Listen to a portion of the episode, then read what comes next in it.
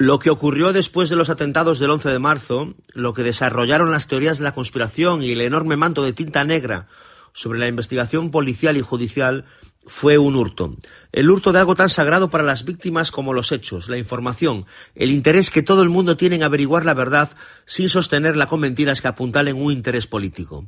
O por decirlo de una forma más sencilla y contundente, cuando prevalecen los famosos hechos alternativos, desaparecen los hechos ciertos, y por tanto se niega no solo el acceso a la verdad, sino también el interés por la verdad a los ciudadanos.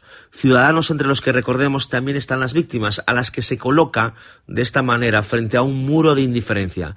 La indiferencia que suele provocar la verdad cuando se mezcla con mentira, que es el peor relato de todos.